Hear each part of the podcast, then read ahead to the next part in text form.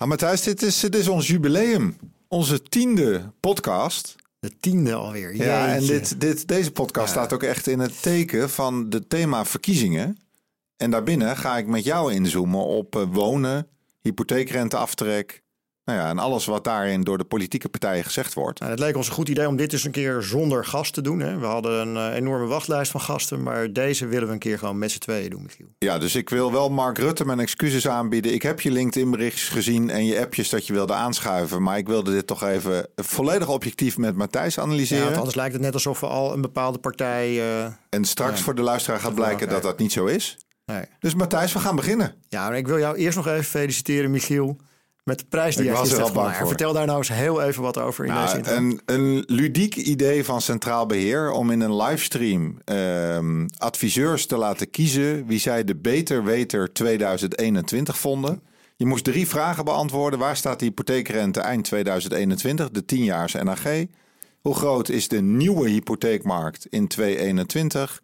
En wat is de gemiddelde verkoopprijs van een huis in En nou moet je de 2021? antwoorden ook geven natuurlijk. Dus nu ben ik wel heel De benieuwd hypotheekrente wat jouw visie 10 is voor jaar 2021. NAG staat op 1,04 op 31 december. Hoger dus. Hoger. Ja. Ik heb uitgelegd eh, in de livestream van Centraal Beheer die terug te kijken is waarom. Anders duurt het iets te lang. Ja. De gemiddelde woningprijs gaat naar de 363.500. Eh, mind you, die was 342 in Q4 Flink stijging. 220.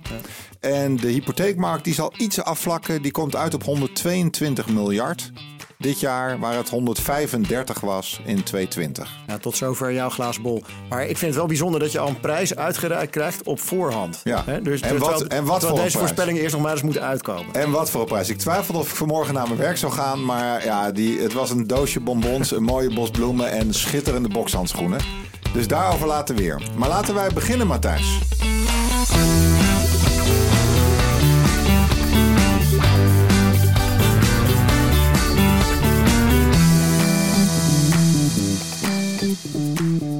Nou, Matthijs, met z'n tweeën vandaag. Zonder gasten, Michiel. Dat is weer een hele nieuwe ervaring. Ja, maar we gaan de diepte in, want we gaan het hebben over de verkiezingsprogramma's. En dan specifiek ingezoomd op wonen, de hypotheekrenteaftrek, et cetera. Ja.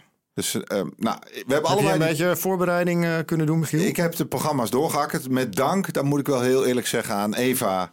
Eva die, Noordhoek. hè? Ja, die ons geholpen heeft. Want het was een hoop eh, uitpluiswerk. Exact. Eva is consultant eh, van, eh, van Yellowtail en die heeft dat echt fantastisch op een rijtje gezet. Dat, eh, overigens bleek het ook wel op heel veel websites van franchise-ketens en grote intermediairs ook in samengevatte vorm te staan. Ja, want bijvoorbeeld de hypotheker had er ook al een persbericht over uitgedaan. Hè? Dus Ja. daar zoomen we zo ook even op in. Ehm, als je eens even kijkt naar het, naar het woondomein, Matthijs.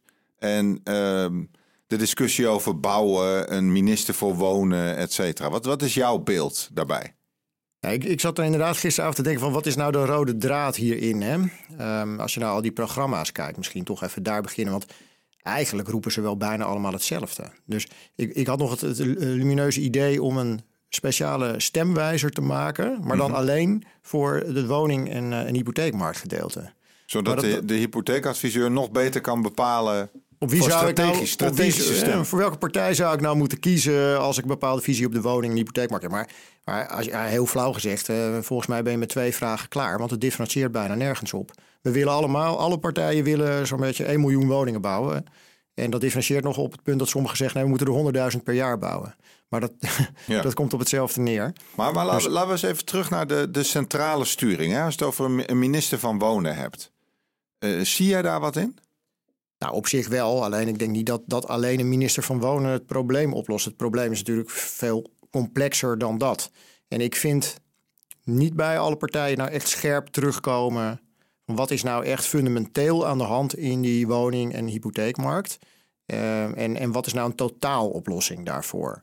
Dus wat je, wat, je- wat je wel ziet is, we willen alle... Hè, natuurlijk, er is woningtekort. Ik denk dat dat, dat, dat helemaal geen, geen discussie Ja. kan zijn. hè. En, en het varieert. eh, Ik geloof Paul Wessels eh, in onze vorige podcast zei het zijn 700.000 woningen. Maar ik, nou, ik, ik lees van de meeste experts de 300.000 Ja, eh, woningen tekort. 330.000 heb ik ook Zoiets is het, hè? Ja. Nou, dat is best veel. En dat werk je niet, niet makkelijk weg, want dat, dat loopt elk jaar verder op. Ja. Dus eh, er, er moeten gewoon wel inderdaad 100.000 woningen per jaar bij, structureel. En als je dan ook nog bedenkt dat er ergens de komende jaren vast wel weer een crisis komt. Hè? Uh, want, want na corona krijgen we ook wel economische ellende. En dan valt vaak de bouw ook nog verder stil. Dus dan zou dat woningtekort alleen maar groter gaan worden nog. Ja. Dus, dus in die zin hebben de politieke partijen het wel goed gezien, denk ik. Ja, er moet gebouwd gaan worden. Maar dan is de vraag, waarom, dat weten we eigenlijk al een hele tijd... Waarom is dat dan tot nu toe niet gelukt? Wat maakt het dan zo moeilijk en hoe gaan we dat dan oplossen? Nou, en een van de dingen die ik denk wel die daar erg mee te maken heeft. We hebben het erg gedecentraliseerd in Nederland. Ja, maar dat blijkt gewoon niet te werken. Nee, het is heel erg overgelaten aan gemeentes die allemaal hun eigen specifieke invulling van regels erop nalaten. Er, er zijn ook veel meer regels dan, dan voorheen en met, met stikstofellende te maken. Er is, er is, op heel veel plekken geen plaats. Er moet heel veel uitruil plaatsvinden tussen natuur en bewonersbelangen. Het is niet makkelijk. En die decentralisering, die werkt dus niet voldoende. Nee, wat als we nou eens teruggaan naar die, die, die voormalige Finex-locaties? Volgens mij was het toen zo dat vanuit de Rijksoverheid provincies en gemeenten gewoon opgelegd kregen zoveel woningen moet jij opleveren de komende jaren. volgens mij is er ergens in de jaren 60 al uh, een, een, ruimtelijk ordeningsplan gemaakt. Echt centraal vanuit de centrale overheid. En we hebben jarenlang gehad dat we wel degelijk meer dan 100.000 woningen, 120.000 woningen per jaar konden bouwen in de jaren 80 en 90. Dus het kan wel, mhm. hoewel het natuurlijk wel voller is nu in Nederland. Dus het, het wordt niet makkelijker.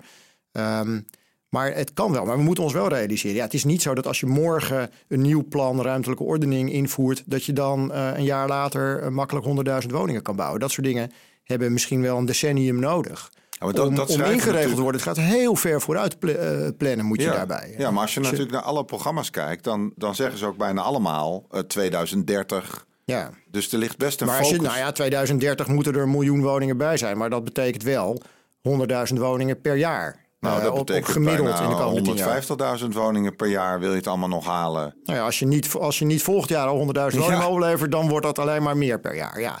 En, en, daar, en ik ben het ermee eens dat dat een centrale aanpak vraagt. en, een, een minister van Wonen is dan denk ik een van de onderdelen die je daar wel, wel voor nodig hebt. Maar alleen de minister gaat dat niet oplossen. Dus we moeten echt naar ruimtelijke ordening toe. Naar misschien wel naar een soort nationaal bouwfonds toe. Uh, eh, CDA zegt er moet, uh, er moet misschien wel een nieuwe stad komen ergens. Ja, ik vind dat allemaal geen gekke ideeën. Uh, maar we moeten wel ons realiseren dat is dus niet morgen in gang gezet.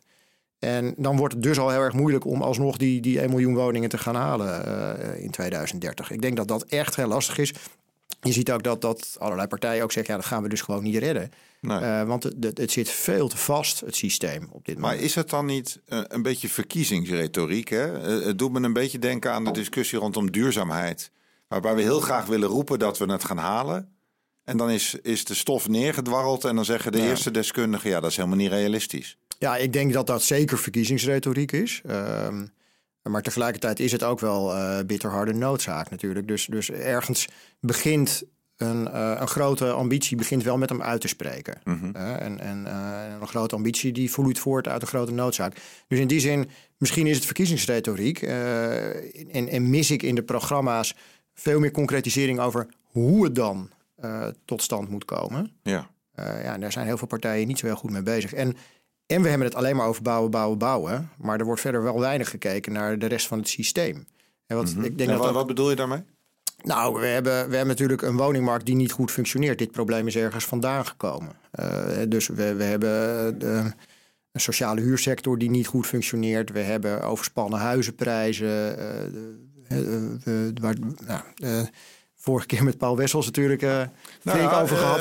er zitten zoveel problemen in die woningmarkt dat los je niet alleen maar op door meer te gaan bouwen. Het gaat ook om uh, uh, nou, hoe nemen we vergunningen weg? Hoe centraliseren we zaken? Hoe zorgen we ervoor dat in een crisis het niet opnieuw inzakt? Hoe bouwen we voor de juiste doelgroepen? Hoe bouwen we op de juiste plekken? Ja. Um, er, misschien misschien moet er nou wel land worden ontwikkeld. Hè? Misschien moeten we wel een nieuw stukje polder gaan maken. Uh, nou, dat is een beetje de partij van de dieren. hè? Van we annexeren gewoon landbouwgrond, hoorde ik laatst uh, op televisie. En daar gaan we woningen neerzetten. Ja, nou ja, goed. We, ook misschien niet zo'n hele gekke gedachte trouwens. Ik, ik, uh, ik, ben zelf geen partij van de dieren stemmer. Maar we hebben natuurlijk wel een, eh, ook een, een, een, eh, groot CO2-probleem in Nederland. Een stikstofprobleem. Uh, met, waar de landbouw flink aan bijdraagt. Dus die landbouw zou eigenlijk wel moeten worden ingekrompen. als je dat soort vraagstukken wil oplossen. En als je dan tegelijkertijd een woningmarktprobleem hebt, dan is het niet zo gek om die twee met elkaar te verbinden. Ik vind dat dat nog weinig gebeurt in, in programma's. En we bekijken vraagstukken vrij geïsoleerd. Maar we Mhm. hebben ook een enorme verduurzamingsuitdaging. Ik heb in geen Nou, enkel... ik, ik, ik zie bijvoorbeeld dat het CDA spreekt zich daar wel over uit. Hè? Die zeggen van er moeten wel een miljoen woningen bij komen, maar dat moeten vooral duurzame woningen zijn. Dat zie je bijvoorbeeld in Ja. de andere programma's Ja, weer minder explosief. Maar ja, ik heb laatst eh, weer eens een goed gesprek gehad met een bouwpartij. Maar volgens mij is bijna alles wat gebouwd wordt tegenwoordig, echt nieuwbouw, is ook gewoon duurzaam. Dus dat is een beetje open deur, zeg jij. Nou, best wel. Ja, misschien moet je het verplicht stellen, maar ik denk niet dat je er heel veel mee wint ten opzichte van wat er in de praktijk al gebeurt. Oké, maar, maar la- laten we dan eens even de aanname doen dat die miljoen woningen er komen. Dat is wel een we- laten we makkelijke aannames aanname. Dan ga je aan Ja, heel, maar- heel veel dingen voorbij Precies, maar stel, dat er... Moeten er dan nog andere dingen in het systeem veranderen? Want is het dan ook weer niet zo dat die woningen uiteindelijk weer terechtkomen bij de mensen die die woningen kunnen betalen? Die, want, want daar zit natuurlijk ook, daar, daar lees je weinig over terug. Ja, dus, eh, ik, denk, ik denk wel dat vraag en aanbod eh, beter in balans komen. En als er gewoon veel meer aanbod is, ehm, ja, dan zal dat ook wel iets met de prijsdruk eh, kunnen gaan doen. Hè. Daar heb je wel echt veel woningen voor nodig. Maar we hebben ook een fiscaal stelsel natuurlijk, wat ervoor zorgt dat eh, ja, mensen ehm, eh, nou ja, veel kunnen lenen. En, en dat drijft huisprijzen op. Als iets natuurlijk helder is in, in, in onze Ja. wereld, is dat mensen lenen het maximale. En als ze meer kunnen lenen, dan gaan ze meer betalen. Nou, en- worden de huizenprijzen dus, eh, gaan de huizenprijzen dus Daar, daar wil ik even met jou bij stilstaan. Want als je naar de eh, programma's kijkt, dan zie je eigenlijk dat, nou, laten we eens een paar uitpakken. De VVD, GroenLinks, CDA, die zeggen eigenlijk allemaal de studieschuld moet een stuk minder zwaar gaan wegen Ja. in wat je kunt gaan lenen. Ja, ja, je ziet bij diverse... niet, ga- gaan die prijzen dan niet nog verder omhoog? Ja, dat denk ik wel. Ik zie bij diverse partijen ehm, de neiging om, eh, met name voor de doelgroepen die het nu moeilijker hebben, la- starters als beste voorbeeld daarvan, om toch wel weer een beetje te kijken van hoe kunnen we ze wat meer laten lenen. Dus eh, dat, dat, is, dat zie je altijd in, na, aan het einde van, Ja. van zo'n periode van, van ongebreidelde groei van huizenprijzen. En het, het aanbod droogt op en, en eh, de betaalbaarheid wordt steeds moeilijker. Mensen komen niet meer aan de bak. En, en, en, en is een ander soort crisis eigenlijk, hè, waar we het dan nu over hebben. Ja, dan lossen we dat dan maar weer op met oprekken van de leennormen. En ja, dat is een soort self-fulfilling prophecy. Want dan gaan de huisprijzen nog verder omhoog. Dat is gewoon hoe het werkt. Dus, dus jij zou daar tegenstander van zijn? Ja, ik denk dat we eh, van de vorige crisis wel moeten leren dat we eh, de oplossingen niet moeten zoeken in altijd maar meer lenen. Nee, dat denk ik eigenlijk niet. Ik zit er zelf heel duaal in, merk ik bij mezelf. Ik heb soms zo'n stemmetje in mijn hoofd die zegt: ja, misschien moet je het als starter ook gewoon niet normaal gaan vinden dat je in het centrum van Amsterdam, Rotterdam, Utrecht, Den Exact. Haag kan Ja. kopen. Ja. Aan de andere kant, het zal je eigen zoon of dochter maar zijn die graag een appartementje wil in de binnenstad van Den Haag. Dus, dus je, je merkt dat je er ook heel menselijk naar Ja. kijkt, zeg maar. Ja, ja, dat heeft ook verschillende ja, point of views natuurlijk, zoiets. Ik, ik, ik snap wel dat we allemaal in Amsterdam en, en Utrecht centrum willen wonen. eh, zeker, dat is gaaf eh, als, je, als je jong bent. Maar het is misschien niet gewoon de realiteit. En we, mensen willen ook op hele jonge leeftijd een huis kopen in Nederland. Zo zijn we inmiddels opgevoed. Dat is cultureel zo bepaald. Maar dat is in andere landen helemaal niet gebruikelijk. In andere landen spaar je dus gewoon eerst eens 20 jaar. Ja, je woont langer thuis. En je woont langer thuis. En de vraag is, is dat nou ehm, eh, een echt groot woningprobleem? Ja, of komen we gewoon niet tegemoet aan wat mensen op dit moment het liefste zouden willen? Kijk, we hebben 300.000 woningen tekort, maar ik zie nog steeds niet heel erg veel mensen onder bruggen slapen. Hè? Dus eh, we, zo slecht hebben we het nou ook weer niet Nee, maar voor door de avondklok kom jij na negen uur niet meer buiten. Nee, dat is misschien is, dat, is dat het. Nou, ik kijk, er is natuurlijk wel een woningprobleem. Ik wil dat niet bagatelliseren. Maar we moeten het ook niet groter maken dan het is. Het heeft ook te maken met de verwachtingen die in onze cultuur zijn ontstaan als gevolg van het systeem dat we met elkaar hebben bedacht. Ja.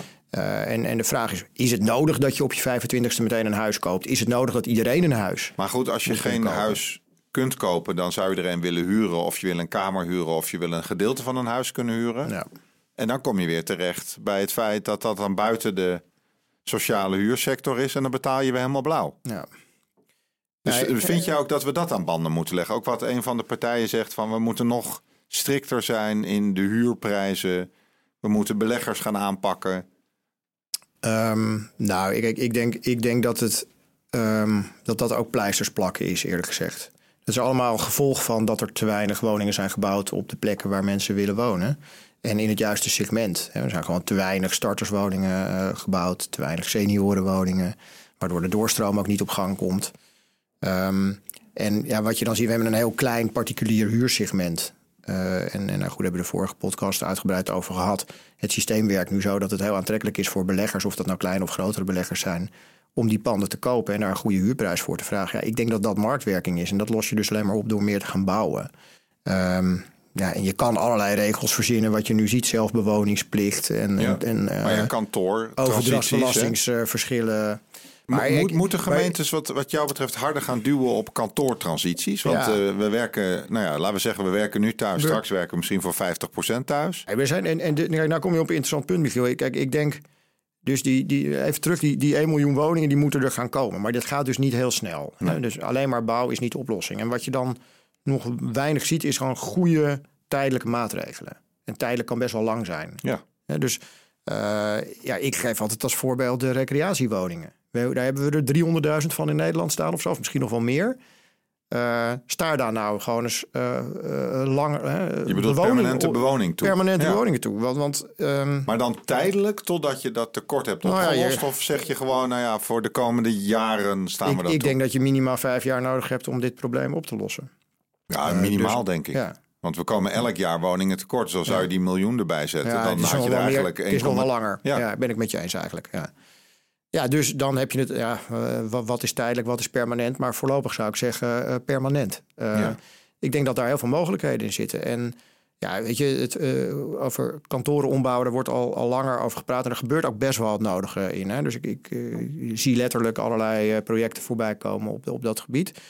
maar ook daar zouden wel vergunningswijzigingen sneller kunnen worden afgegeven door gemeentes. En wellicht kan centralisatie daar ook weer een rol bij spelen. Dus ja, het tempo omhoog in dat soort plannen, uh, daar zit altijd uh, ruimte tot verbetering. Oké, okay, dus als, als we deze even samenvatten. Bij voorkeur centrale sturing richting provincies en gemeentes. Transformatie uh, kantoorunits. Recreatiewoningen meer permanent ter beschikking stellen. Allemaal als zeg maar aanloop naar die bouw die opgeleverd gaat worden. Ja. Ga, gaan we even naar het, het fenomeen hypotheekrenteaftrek. Daar zijn sommige partijen heel expliciet over. En bijvoorbeeld uh, nou ja, de partij van onze huidige minister-president, die noemt dat niet in haar programma. Nee. Nou weet ik dat er een keten is, in dit geval de hypotheker, die ook terecht heeft gezegd van joh, politieke partijen moeten zich daar veel nadrukkelijk over uitspreken in de campagne. Want heel vaak word je achteraf aan de onderhandelingstafel als kiezer bedot omdat er ja, toch weer jij, wat ingeleverd is. Jij noemt nou de VVD. Maar ja, goed, dat is nou de partij waarvan het mij het minste verrast. Hè. De, de, de VVD, uh, ik denk dat zo'n beetje alle kiezers van de VVD huisbezitter zijn. Huizen, hè, en, en, uh, en, en dus een hypotheek hebben. Ja, dat is, dan vraag je misschien ook wel veel van ze om dat te veranderen. Maar, maar je ziet zelfs dat de linkse partijen in ons land ook niet al te rigoureus die hypotheekrente aftrekken nou, ik zal, ik zal dus die dat, verbaast, dat verbaasde mij wel. Dus ik vat die even ja. samen hè, voor de luisteraar. Uh, SP zegt eigenlijk aftrek blijft hetzelfde voor hypotheken tot 3,5 ton. Ja, dus Daarboven aftrek beperkt. Ja. Nou, ligt al een beetje in uh, de lijn. Zelf natuurlijk heel interessant. Er is eigenlijk maar één partij die echt zegt handen af van de hypotheekrenteaftrek. PVV is dat, hè? Nou ja, maar even los van je politieke voorkeur. Weet je als kiezer dan wel waar je aan toe bent? VVD laat het open. CDA benoemt het ook niet. En bijvoorbeeld GroenLinks wil versneld afbouwen. En PvdA zegt aftrek wordt langzaam afgebouwd. Ja, en, dat is eigenlijk en, al... en, en misschien wel goed om, om te noemen, D66. Ja. Ik vind wel, uh, is, is wel het meest uitgesproken. Die zeggen gewoon, die hypotheekrenteaftrek, die moet echt weg. Ja. En daarvoor in de plaats moet komen dat we naar veel lagere inkomstenbelasting gaan. Nou, D66 zegt eigenlijk hypotheekrente weg, woning naar box 3, inkomstenbelasting naar beneden. Ja. Dat zou het meest... Nou, ik vind wel een, een, uh, in ieder geval een scherp standpunt van D66. En, en los van dat jij je politieke voorkeur hier niet hoeft prijs te geven... Nee, is, maar... dat, overigens, is dat niet D66? Nee, nee maar, maar is dat een standpunt waarvan jij zegt... daar zou de markt, consument, adviseur, aanbieder bij geholpen zijn?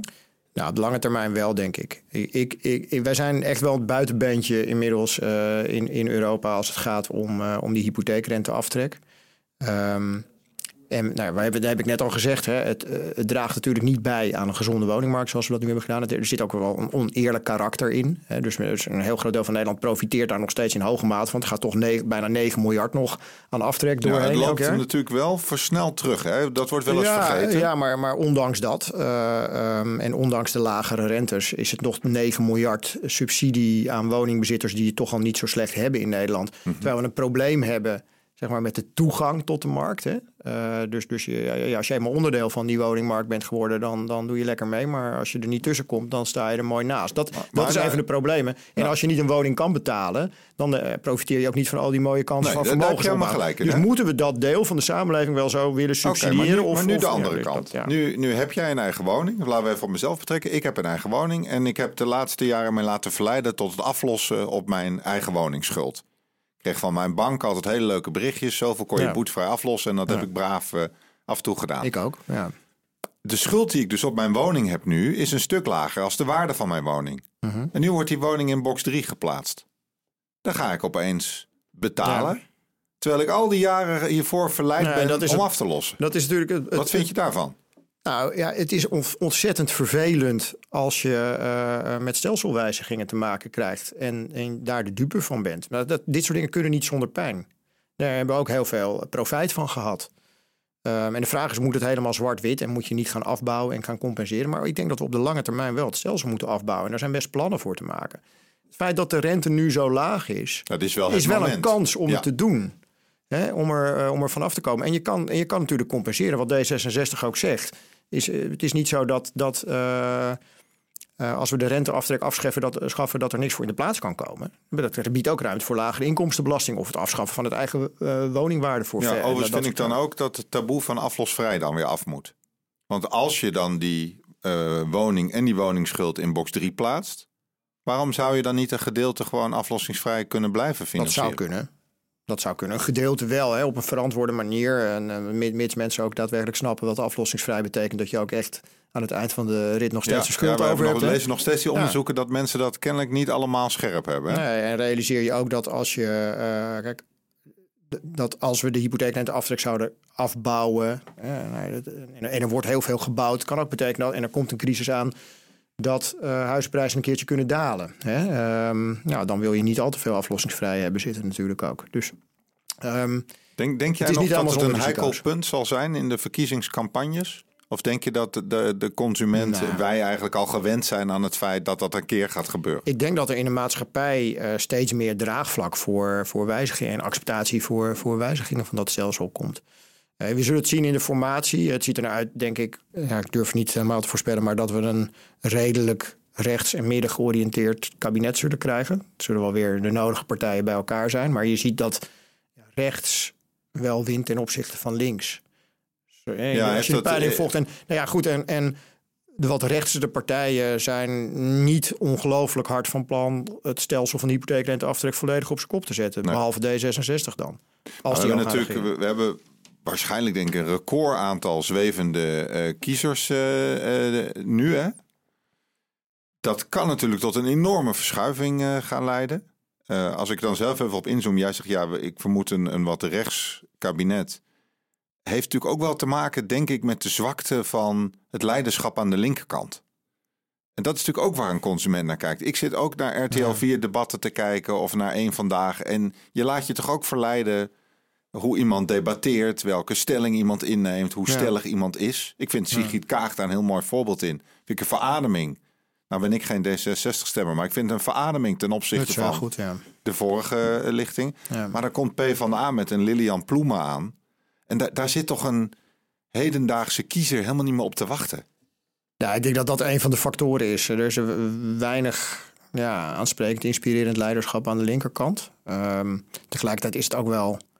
Ja, weet je, er zijn natuurlijk allerlei factoren die dat bepalen. Je ziet ook dat eh, partijen zoals eh, de PVV ehm, eigenlijk helemaal geen rechtse partij zijn natuurlijk. Hè.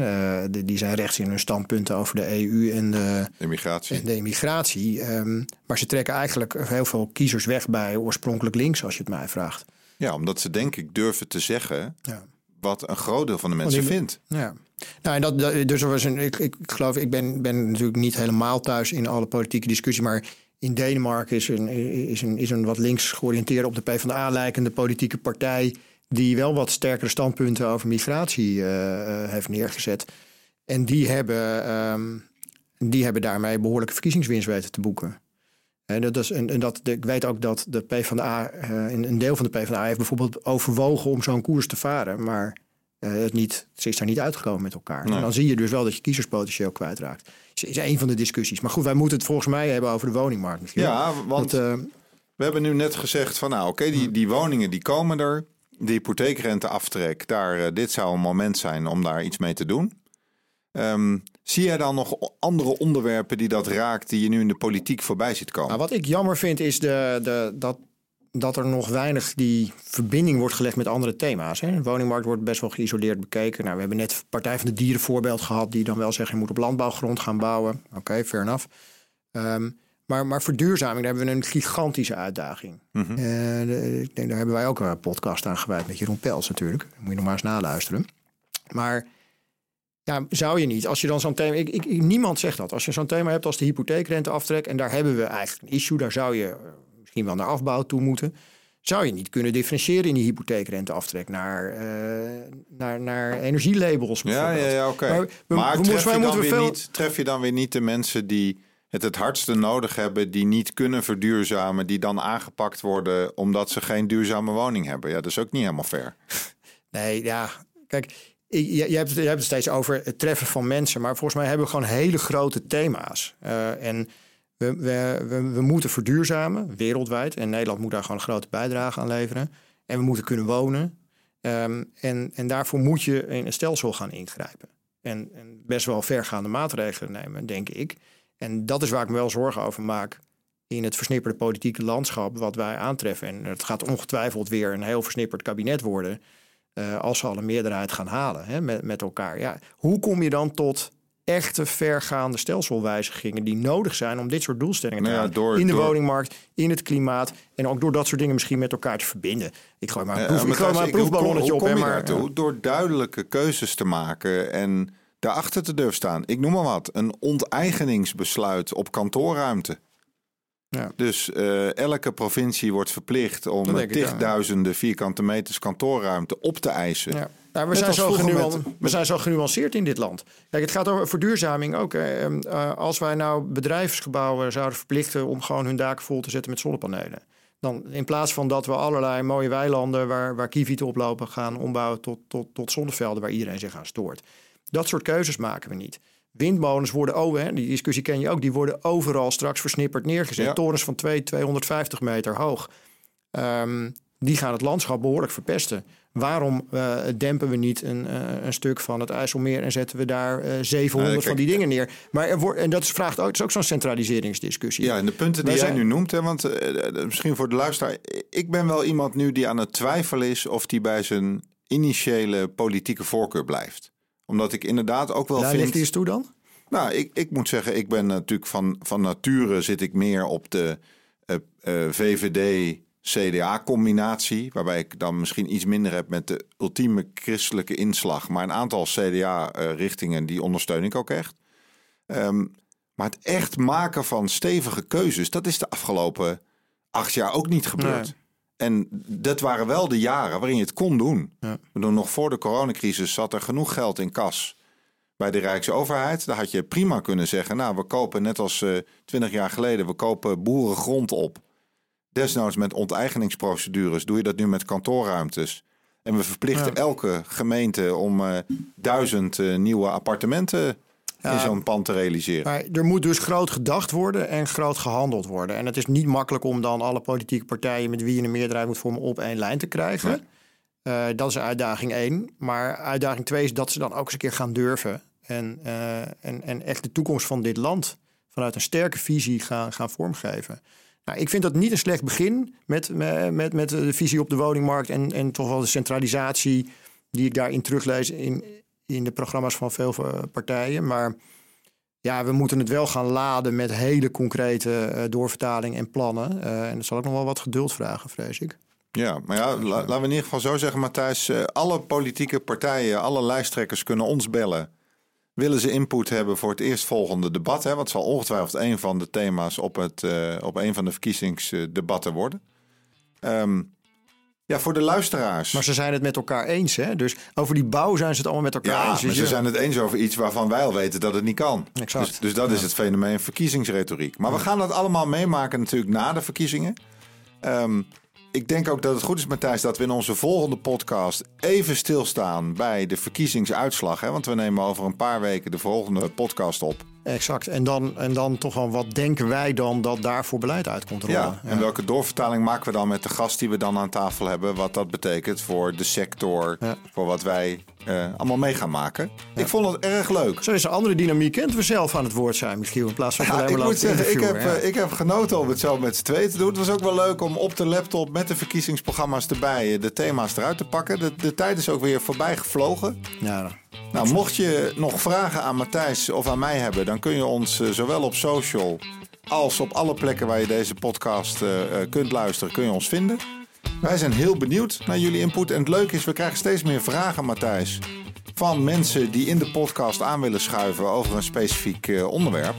Dus misschien moeten we ook eens bedenken hoe we dat de komende tijd gaan En we inrichten. beginnen een wachtlijst te krijgen eigenlijk. Ja, en ik denk dat het leuk is om per thema een aansprekende spreker of spreekster daarvoor uit te nodigen. En eh, dat jij en ik wat huiswerk hebben voor de volgende keer. Zo is het. Bedankt voor het luisteren allemaal.